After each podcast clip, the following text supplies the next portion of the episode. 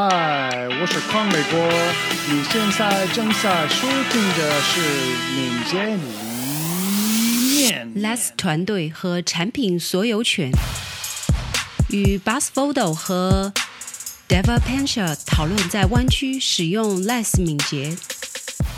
Less 说，Deva Pensha 开始了关于团队和管理的讨论。Deva 说，二零一零年需要一个移动开发团队和一个网络开发团队，现在。当响应性开始发挥作用时，有两种焦点区域的需求就消失了，因为技术允许他们处理不同类型的设备，但在问题出现之前，这种技术是永远不会出现的。这几乎就像，你知道，我们向前走两步，向后退一步，然后一些技术允许你向前移动一点点，对吗？所以。当你看到大规模是什么意思的问题时，这对我来说意味着我们能建立起真正帮助我们变得更好的工具吗？而不是我怎么能为所有人找到很多工作？总有一些新技术会让你完全过时。如果您有能力构建自己的工具，通过构建自己的工具来构建您自己的改进，那么。你就不会依赖外部代理来向你推销这个工具了。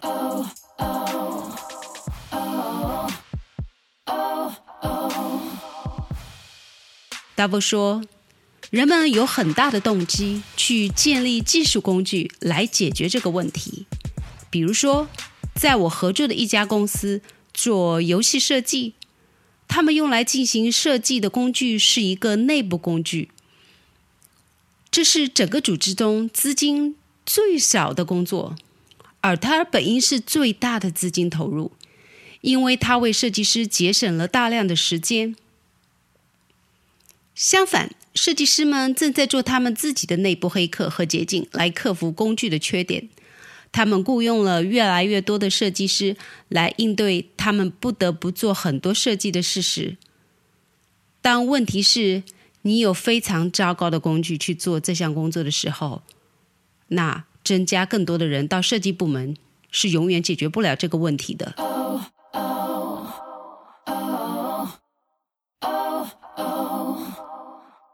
莱瑟说：“大规模化您的企业可以很好的避免这种情况吗？”巴斯说：“我想你可以简单的把它概括为，当你。”变大的时候，人们逐渐的从团队中拿走越来越多的责任，所以你的团队就没有那么负责任了。工具方面吧，只是症状之一。兰瑟说：“所以说，如果一个团队变得比其他人更不负责任，那么他们就会介入，提供一些东西。嗯，也许我们是在说，嘿，我们在测试平台团队中也要有一个测试平台。”也许这就是这种模式开始乱作一团的原因。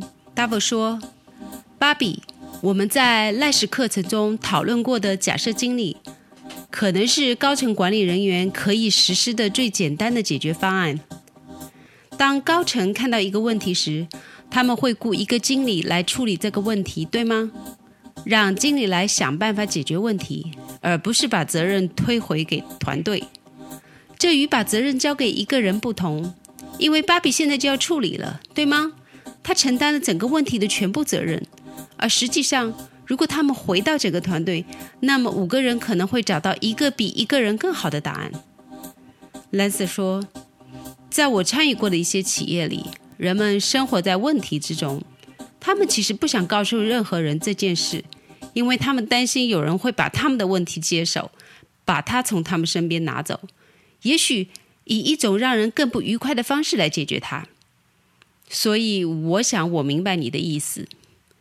Double 说：“从我培训的经验中，我了解到我的问题对我来说比你的解决方案更重要，因为它是我的，我对我的问题有自主权。但只要解决方案是来自外部的，它就不是我的了。因此，我的第一反应是回击，而不是接受。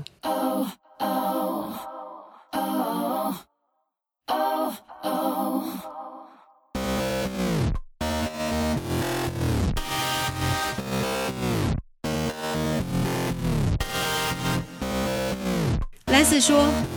我们正在接受的训练中的信息是，我们不会为团队做太多的事情。这么说公平吗？你是怎么总结呢？我们如何让团队拥有更多的所有权？因为我们在做 Scrum，团队应该拥有所有权，对吗？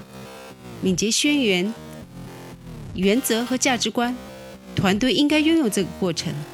但是当你进入一个企业时，这个部分是不会发生的。大夫说：“我喜欢的是，在今天的课结束时，我们讨论的是竞争者分析被添加为另一个产品代办项目，让团队自己去调查，并获得更多的产品所有权的事实。这在某些方面是相反的。”巴斯，你应该纠正我的错误。蓝色说：“是对于一个产品负责人和很多团队来说。”，PU 的角色并不是那么明确，这意味着 P.O. 的角色不是讨论开发人员关于需求的问题，而是到业务中的另一栋大楼与任何需要需求的人交谈，然后一路回到开发大楼让他们知道。巴斯的建议是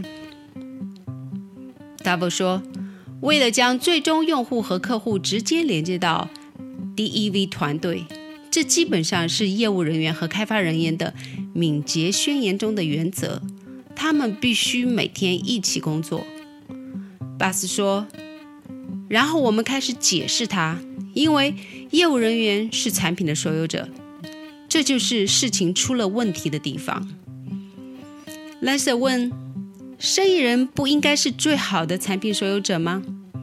巴斯说：“嗯，由于采用 Scrum 的困难。”业务人员最终不是产品所有者，而其他人得到这份工作是因为很难让真正的业务方面的人参与进来。蓝色说：“如果他们真的参与进来，他们可能还不是一个商人，这意味着他们没有参与到他们以前的角色之中。”Double 说：“或者，即使你让一个业务人员从业务部门代表。”成为产品负责人，这个人在多大程度上代表了他们试图引导的其他五十个人的需求？当功能是纠正一两类最终用户遇到的问题时，开发团队最好直接与这些最终用户联系，而不是让这个业务人员解释他们对开发人员说的话。现在，这个 P.O. 可以出现在房间里。来澄清任何的事件，因为他们与团队有着更好的工作关系。但是，P.O. 很少能成为沟通的渠道。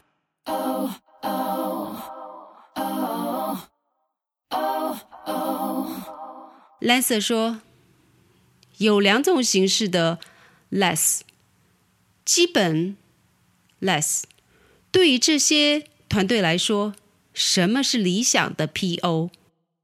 巴斯说：“对我来说，理想的 P.O.，嗯，是一个能清晰明了并做出决定的人。我最喜欢的一位听众会坐在房间的后面，听每个人讨论一个特定的话题。经过十分钟的讨论，他会站起来说：‘这就是我们要做的。’他会坐下来。”这基本就是他所做的。他听取了所需的所有意见，然后他明确的表示他是产品负责人。他做出了决定，他毫不怀疑的向每个人表明了这个方向。然后他把自己从那次讨论中移出来，让他继续。因此，组织中的每个人都知道产品的愿景和目标。每当有一个相对高级别的决策，需要与产品相关时，他就会在那里做出决定。这样你就不会因为你要去哪里的不确定性而受到阻碍。那是我最喜欢的产品所有者之一。有关 Less 的培训课程以及这个事件的更多信息，大家可以浏览 Less that works。有关于 Less 的活动呢，其实在全球各地都在发生。